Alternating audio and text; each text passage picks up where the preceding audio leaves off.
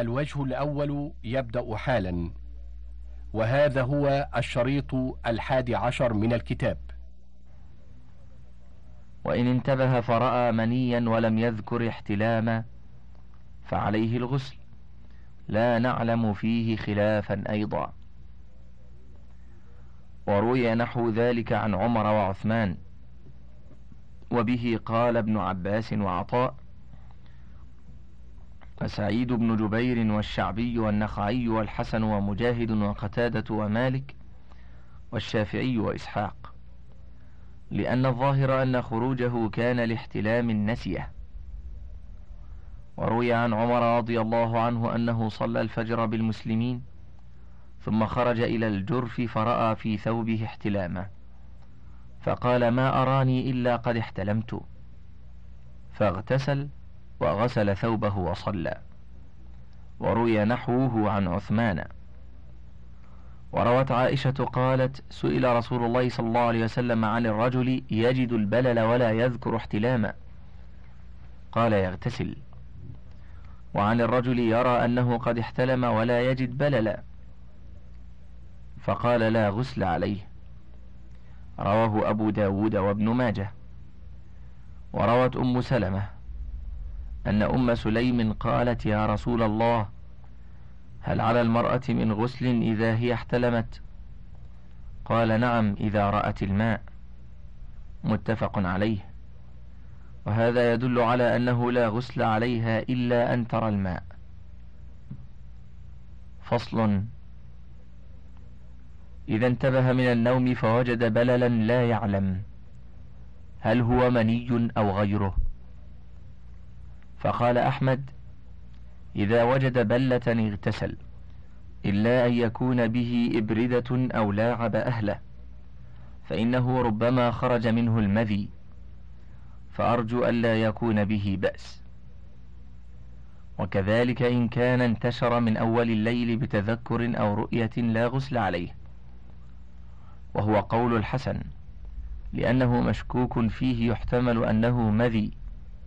وقد وجد سببه فلا يوجب الغسل مع الشك. وإن لم يكن وجد ذلك فعليه الغسل لخبر عائشة لأن الظاهر أنه احتلام. وقد توقف أحمد في هذه المسألة في مواضع. وقال مجاهد وقتادة لا غسل عليه حتى يوقن بالماء الدافق. قال قتادة يشمه. وهذا هو القياس. ولأن اليقين بقاء الطهارة فلا يزول بالشك. والأولى الاغتسال لموافقة الخبر وإزالة الشك. فصل. فإن رأى في ثوبه منيا وكان مما لا ينام فيه غيره فعليه الغسل.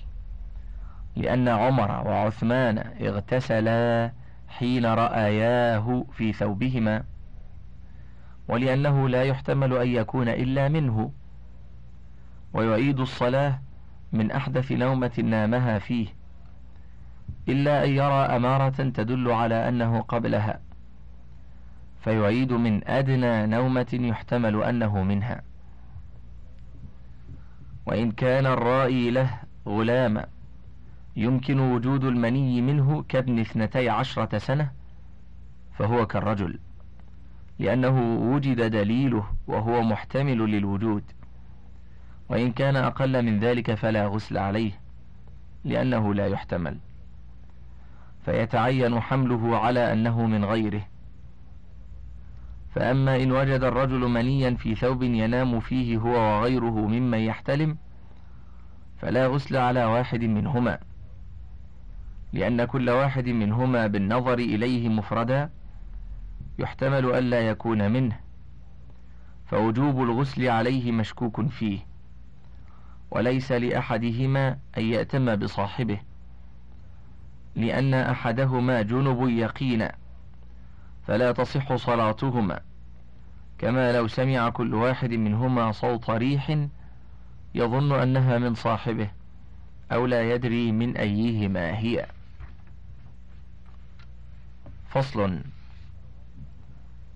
إذا وطئ امرأته دون الفرج فدب ماؤه إلى فرجها ثم خرج. أو وطئها في الفرج فاغتسلت ثم خرج ماء الرجل من فرجها فلا غسل عليها. وبهذا قال قتادة والأوزاعي وإسحاق. وقال الحسن تغتسل لأنه متى خرج فأشبه ماءها. والأول أولى لأنه ليس منيها فأشبه غير المني. مسألة قال والتقاء الختانين يعني تغييب الحشفة في الفرج لأن هذا هو الموجب للغسل سواء كانا مختتنين أو لا. وسواء أصاب موضع الختان منه موضع ختانها أو لم يصبه ولو مس الختان الختان من غير إيلاج فلا غسل بالاتفاق. واتفق الفقهاء على وجوب الغسل في هذه المسألة إلا ما حكي عن داود أنه قال لا يجب لقوله عليه السلام الماء من الماء. وكان جماعة من الصحابة رضي الله عنهم يقولون لا غسل على من جامع فأكسل. يعني لم ينزل. ورووا في ذلك أحاديث عن النبي صلى الله عليه وسلم وكانت رخصة رخص فيها رسول الله صلى الله عليه وسلم ثم أمر بالغسل. قال سهل بن سعد حدثني أبي بن كعب أن الماء من الماء كانت رخصة أرخص فيها رسول الله صلى الله عليه وسلم ثم نهى عنها متفق عليه. رواه الإمام أحمد وأبو داود وابن ماجة والترمذي. وقال حديث حسن صحيح. وروي عن أبي موسى الأشعري قال اختلف في ذلك رهط من المهاجرين والأنصار. فقال الأنصاريون لا يجب الغسل إلا من الماء الدافق أو من الماء. وقال المهاجرون بل إذا خالط فقد وجب الغسل. فقال أبو موسى فأنا أشفيكم من ذلك. فقمت فاستأذنت على عائشة فقلت يا أماه أو يا أم المؤمنين إني أريد أن أسألك عن شيء وأنا أستحييك. فقالت لا تستحي أن تسألني عن شيء كنت سائلا عنه أمك التي ولدتك فإنما أنا أمك. قلت فما يوجب الغسل؟ قالت قال رسول الله صلى الله عليه وسلم إذا جلس بين شعبها الأربع ومس الختان الختان فقد وجب الغسل. متفق عليه.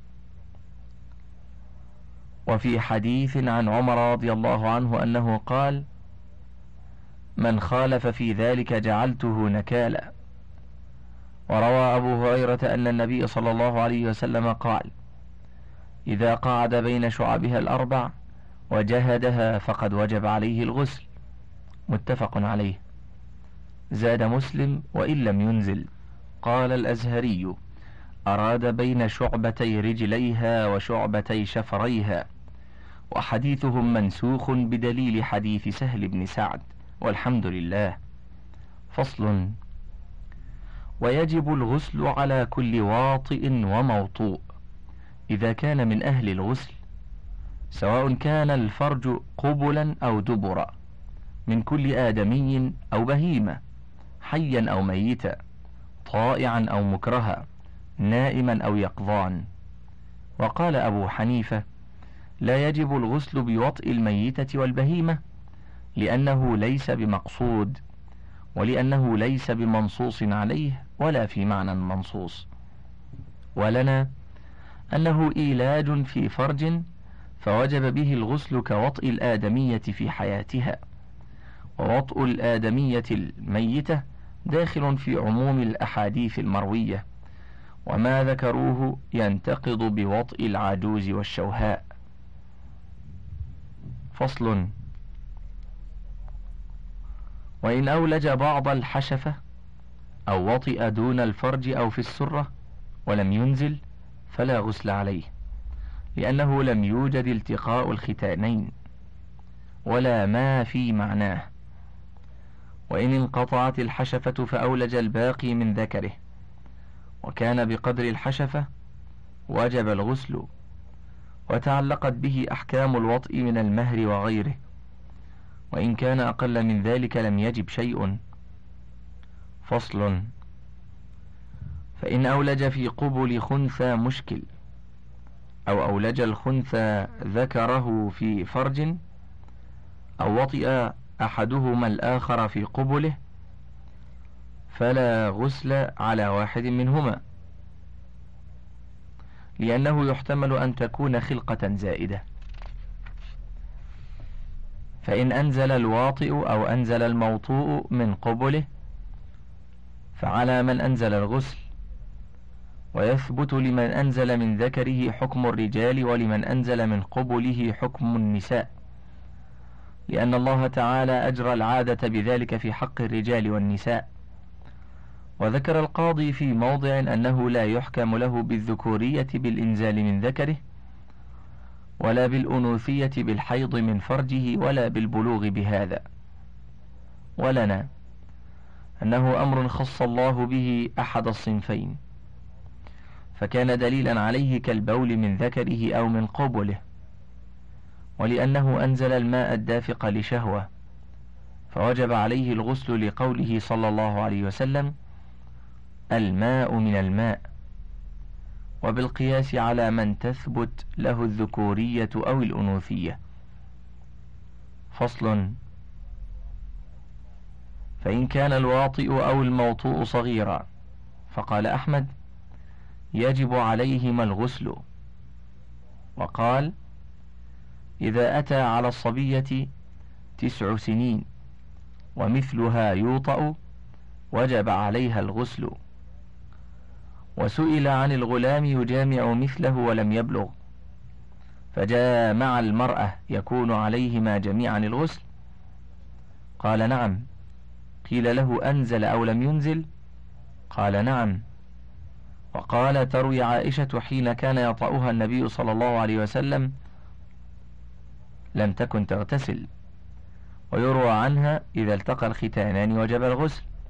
وحمل القاضي كلام أحمد على الاستحباب وهو قول أصحاب الرأي وأبي ثور لأن الصغيرة لا يتعلق بها المأثم ولا هي من أهل التكليف ولا تجب عليها الصلاة التي تجب الطهارة لها فأشبهت الحائض ولا يصح حمل كلام أحمد على الاستحباب لتصريحه بالوجوب وذمه قول أصحاب الرأي وقوله هو قول سوء. واحتج بفعل عائشة وروايتها للحديث العام في الصغير والكبير ولأنها أجابت بفعلها وفعل النبي صلى الله عليه وسلم بقولها فعلته أنا ورسول الله صلى الله عليه وسلم فاغتسلنا فكيف تكون خارجة منه؟ وليس معنى وجوب الغسل في الصغير التأثيم بتركه بل معناه أنه شرط لصحة الصلاة والطواف وإباحة قراءة القرآن واللبث في المسجد وإنما يأثم البالغ بتأخيره في موضع يتأخر الواجب بتركه ولذلك لو أخره في غير وقت الصلاة لم يأثم والصبي لا صلاة عليه فلم يأثم بالتأخير وبقي في حقه شرطا كما في حق الكبير. وإذا بلغ كان حكم الحدث في حقه باقيا كالحدث الأصغر ينقض الطهارة في حق الكبير والصغير والله أعلم. مسألة. قال وإذا أسلم الكافر. وجملته أن الكافر إذا أسلم وجب عليه الغسل سواء كان أصليا أو مرتدا اغتسل قبل إسلامه أو لم يغتسل. وجد منه في زمن كفره ما يوجب الغسل أو لم يوجد. وهذا مذهب مالك وأبي ثور وابن المنذر. وقال أبو بكر يستحب الغسل وليس بواجب إلا أن يكون قد وجدت منه جنابة زمن كفره فعليه الغسل إذا أسلم سواء كان قد اغتسل في زمن كفره أو لم يغتسل. وهذا مذهب الشافعي ولم يوجب عليه أبو حنيفة الغسل بحال لأن العدد الكثير والجم الغفير أسلموا فلو أمر كل من أسلم بالغسل لنقل نقلا متواترا أو ظاهرا. ولأن النبي صلى الله عليه وسلم لما بعث معاذا إلى اليمن قال ادعهم إلى شهادة أن لا إله إلا الله وأن محمدا عبده ورسوله. فإن هم أطاعوك لذلك فأعلمهم أن عليهم صدقة تؤخذ من أغنيائهم فترد على فقرائهم. ولو كان الغسل واجبا لأمرهم به لأنه أول واجبات الإسلام. ولنا ما روى قيس بن عاصم قال أتيت النبي صلى الله عليه وسلم أريد الإسلام فأمرني أن أغتسل بماء وسدر. رواه أبو داود والنسائي. وأمره يقتضي الوجوب وما ذكره من قلة النقل فلا يصح ممن أوجب الغسل على من أسلم بعد الجنابة في شركه. فإن الظاهر أن البالغ لا يسلم منها. ثم إن الخبر إذا صح كان حجة من غير اعتبار شرط آخر. على أنه قد روي أن سعد بن معاذ وأسيد بن حضير حين أراد الإسلام سأل مصعب بن عمير وأسعد بن زرارة كيف تصنعون إذا دخلتم في هذا الأمر؟ قال نغتسل ونشهد شهادة الحق. وهذا يدل على أنه كان مستفيضا ولأن الكافر لا يسلم غالبا من جنابة تلحقه ونجاسة تصيبه وهو لا يغتسل ولا يرتفع حدثه إذا اغتسل. فأقيمت مظنة ذلك مقام حقيقته كما أقيم النوم مقام الحدث والتقاء الختانين مقام الإنزال. فصل فإن أجنب الكافر ثم أسلم لم يلزمه غسل الجنابة سواء اغتسل في كفره أو لم يغتسل. وهذا قول من أوجب غسل الإسلام وقول أبي حنيفة وقال الشافعي عليه الغسل في الحالين. وهذا اختيار أبي بكر لأن عدم التكليف لا يمنع وجوب الغسل كالصبا والجنون. هامش وعبارة الشرح الكبير كالصبي والمجنون وهو ينقل عبارة المغني بنصها في الغالب فيحرر. انتهى الهامش. واغتساله في كفره لا يرفع حدثه لأنه أحد الحدثين فلم يرتفع في حال كفره كالحدث الأصغر. وحكي عن أبي حنيفة وأحد الوجهين لأصحاب الشافعي أنه يرفع حدثه لأنه أصح نية من الصبي وليس بصحيح لأن الطهارة عبادة محضة فلم تصح من كافر كالصلاة. ولنا على أنه لا يجب أنه لم ينقل عن النبي صلى الله عليه وسلم أنه أمر أحدا بغسل الجنابة مع كثرة من أسلم من الرجال والنساء البالغين المتزوجين ولأن المظنة أقيمت مقام حقيقة الحدث فسقط حكم الحدث كالسفر مع المشقة. فصل. ويستحب أن يغتسل المسلم بماء وسدر. كما في حديث قيس ويستحب إزالة شعره لأن النبي صلى الله عليه وسلم أمر رجلا أسلم فقال احلق وقال لآخر معه ألق عنك شعر الكفر واختتن رواه أبو داود وأقل أحوال الأمر الاستحباب مسألة قال والطهر من الحيض والنفاس قال ابن عقيل هذا تجوز فإن الموجب للغسل في التحقيق هو الحيض والنفاس لأنه هو الحدث وانقطاعه شرط وجوب للغسل وصحته فسماه موجبا لذلك. وهذا كقولهم انقطاع دم الاستحاضة مبطل للصلاة والمبطل إنما هو الحدث الخارج لكن عفي عنه للضرورة.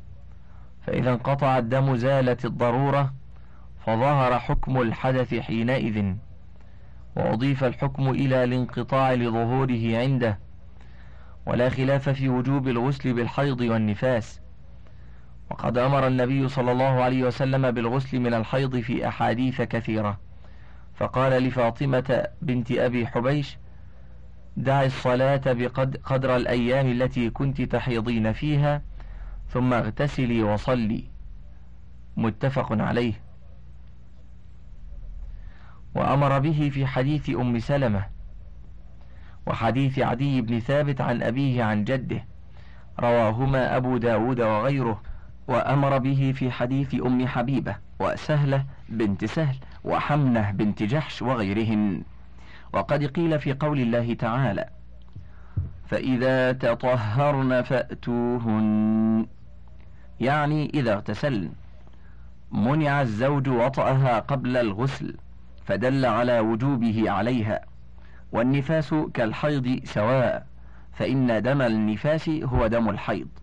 إنما كان في مدة الحمل ينصرف إلى غذاء الولد. هامش الجنين إنما يتغذى بواسطة الحبل السري مما يصفيه الله له من دم أمه والحيض هو الدم الذي يخرج عقب تمزق الأغشية المخملية المبطن بها الرحم المعدة لاحتضان البويضة والحيوان المنوي. فإذا لم يأتيها في الميعاد المحدد بحكمة الله تمزق هذا الغشاء وخرج من أثر ذلك الحيض. ثم بدأ, ثم بدأ الرحم في عمل غشاء جديد وهكذا. كل دورة بقدرة العزيز العليم. ودم النفاس ينشأ من تمزق الأوعية والأغشية التي كان فيها الجنين. ولذلك يختلف كل من دم الحيض والنفاس تبع قوة المرأة وضعفها وبحسب الجو الذي تعيش فيه. بقلم أبي الطاهر. انتهى الهامش. فحين خرج الولد خرج الدم لعدم مصرفه وسمي نفاسا. فأما الولادة إذا عريت عن الدم فلا يجب فيها الغسل في ظاهر كلام الخرقي. وقال غيره فيها وجهان. أحدهما يجب الغسل بها لأنها مظنة للنفاس الموجب فقامت مقامه في الإيجاب كالتقاء الختانين. ولأنها يستبرأ بها الرحم أشبهت الحيض. ولأصحاب الشافعي وجهان كالوجهين. الثاني لا يجب وهو الصحيح فإن الوجوب بالشرع ولم يرد بالغسل ها هنا ولا هو في معنى المنصوص فإنه ليس بدم ولا مني وإنما ورد الشرع بالإيجاب بهذين الشيئين. وقولهم إنه مظنة قلنا المظان إنما يعلم جعلها مظنة بنص أو إجماع ولا نص في هذا ولا إجماع. والقياس الآخر مجرد طرد لا معنى تحته. ثم قد اختلف في أكثر الأحكام فليس تشبهه به في هذا الحكم أولى من مخالفته في سائر الأحكام. فصل إذا كان على الحائض جنابة فليس عليها أن تغتسل حتى ينقطع حيضها. نص عليه أحمد وهو قول إسحاق وذلك لأن الغسل لا يفيد شيئا من الأحكام. فإن اغتسلت للجنابة في زمن حيضها صح غسلها وزال حكم الجنابة نص عليه أحمد وقال تزول الجنابة والحيض لا يزول حتى ينقطع الدم. قال ولا أعلم أحدا قال لا تغتسل إلا عطاء فإنه قال الحيض أكبر. قال ثم نزل عن ذلك وقال تغتسل. وهذا لأن أحد الحدثين لا يمنع ارتفاع الآخر كما لو اغتسل المحدث الحدث الأصغر. فصل ولا يجب الغسل من غسل الميت. وبه قال ابن عباس وابن عمر وعائشة والحسن والنخعي والشافعي وإسحاق وأبو ثور وابن المنذر وأصحاب الرأي. وعن علي وأبي هريرة أنهما قالا من غسل ميتا فليغتسل. وبه قال سعيد بن المسيب وابن سيرين والزهري واختاره أبو إسحاق الجوزجاني لما روي عن أبي هريرة عن النبي صلى الله عليه وسلم أنه قال من غسل ميتا فليغتسل. ومن حمل ميتا فليتوضأ. قال الترمذي هذا حديث حسن.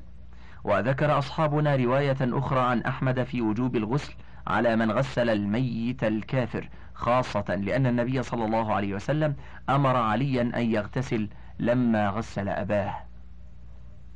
ولنا قول صفوان بن عسال الرازي قال أمرنا رسول الله صلى الله عليه وسلم ألا ننزع خفافنا ثلاثة أيام ولياليهن إلا من جنابة. ولأنه غسل آدمي فلم يوجب الغسل كغسل الحي. وحديثهم موقوف على أبي هريرة قاله الإمام أحمد. وقال ابن المنذر ليس في هذا حديث يثبت ولذلك لا يعمل به في وجوب الوضوء على من حمله. وقد ذكر لعائشة قول أبي هريرة ومن حمله فليتوضأ. قالت وهل هي إلا أعواد حملها؟ ذكره الأثرم بإسناده ولا نعلم أحدا قال به في الوضوء من حمله. وأما حديث علي رضي الله عنه فقال أبو إسحاق الجوزجاني ليس فيه أنه غسل أبا طالب إنما قال النبي صلى الله عليه وسلم اذهب فواره ولا تحدثن شيئا حتى تأتيني. قال فأتيته فأخبرته فأمرني فاغتسلت. وقد قيل يجب الغسل من غسل الكافر الحي. ولا نعلم لقائل هذا القول حجة توجبه وأهل العلم على خلافه. فصل ولا يجب الغسل على المجنون والمغمى عليه إذا أفاقا من غير احتلام. ولا أعلم في هذا خلافا. قال ابن المنذر ثبت أن رسول الله صلى الله عليه وسلم اغتسل من الإغماء. وأجمعوا على أنه لا يجب. ولأن زوال العقل في نفسه ليس بموجب للغسل ووجود الإنزال مشكوك فيه فلا نزول عن اليقين بالشك. فإن تيقن منهما الإنزال فعليهما الغسل لأنه يكون من احتلام فيدخل في جملة الموجبات المذكورة. ويستحب الغسل من جميع ما نفينا وجوب الغسل منه لوجود ما يدل عليه من فعل النبي صلى الله عليه وسلم له والخروج من الخلاف. مسألة. قال والحائض والجنب والمشرك إذا غمسوا أيديهم في الماء فهو طاهر. أما طهارة الماء فلا إشكال فيه إلا أن يكون على أيديهم نجاسة. فإن أجسامهم طاهرة وهذه الأحداث لا تقتضي تنجيسها. قال ابن المنذر أجمع عوام أهل العلم على أن عرق الجنب طاهر. ثبت ذلك عن ابن عمر وابن عباس وعائشة رضي الله عنهم وغيرهم من الفقهاء. وقالت عائشة عرق الحائض طاهر. وكل ذلك قول مالك والشافعي وأصحاب الرأي. ولا يحفظ عن غيرهم خلافهم. وقد روى أبو هريرة أن رسول الله صلى الله عليه وسلم لقيه في بعض طرق المدينة وهو جنب. قال فانخنست منه فاغتسلت ثم جئت. فقال أين كنت يا أبا هريرة؟ قال يا رسول الله كنت جنبا فكرهت أن أجالسك وأنا على غير طهارة. فقال سبحان الله إن المؤمن لا ينجس. متفق عليه. وروي أن النبي صلى الله عليه وسلم قدم إليه بعض نسائه قصعة ليتوضأ منها. فقالت امرأة إني غمست يدي فيها وأنا جنب. فقال الماء لا يجنب. وقال لعائشة ناوليني الخمرة. هامش الخمرة بضم الخاء المعجمة الحصيرة التي يصلى عليها. انتهى الهامش.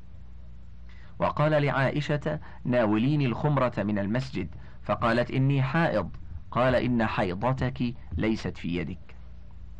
وكان رسول الله صلى الله عليه وسلم يشرب من سؤر عائشة وهي حائض ويضع فاه على موضع فيها. وتتعرق العرق وهي حائض فيأخذه النبي صلى الله عليه وسلم ويضع فاه على موضع فيها. وكانت تغسل رأس رسول الله صلى الله عليه وسلم وهي حائض. وتوضأ النبي صلى الله عليه وسلم من مزادة مشركة متفق عليه. وتوضأ عمر من جرة نصرانية. وأجاب النبي صلى الله عليه وسلم يهوديا دعاه إلى خبز وإهالة سنخة ولأن الكفر معنى في قلبه. فلا يؤثر في نجاسة ظاهرة كسائر ما في القلب والأصل الطهارة. ويتخرج التفريق بين الكتابي الذي لا يأكل الميتة والخنزير وبين غيره ممن يأكل الميتة والخنزير ومن لا تحل ذبيحتهم كما فرقنا بينهم في آنيتهم وثيابهم. هامش التخريج معارض بأصل الطهارة. ووضوء النبي صلى الله عليه وسلم وعمر رضي الله عنه المذكور آنفا فهو تخريج ضعيف. انتهى الهامش. انتهى الوجه الأول. فضلا اقلب الشريط.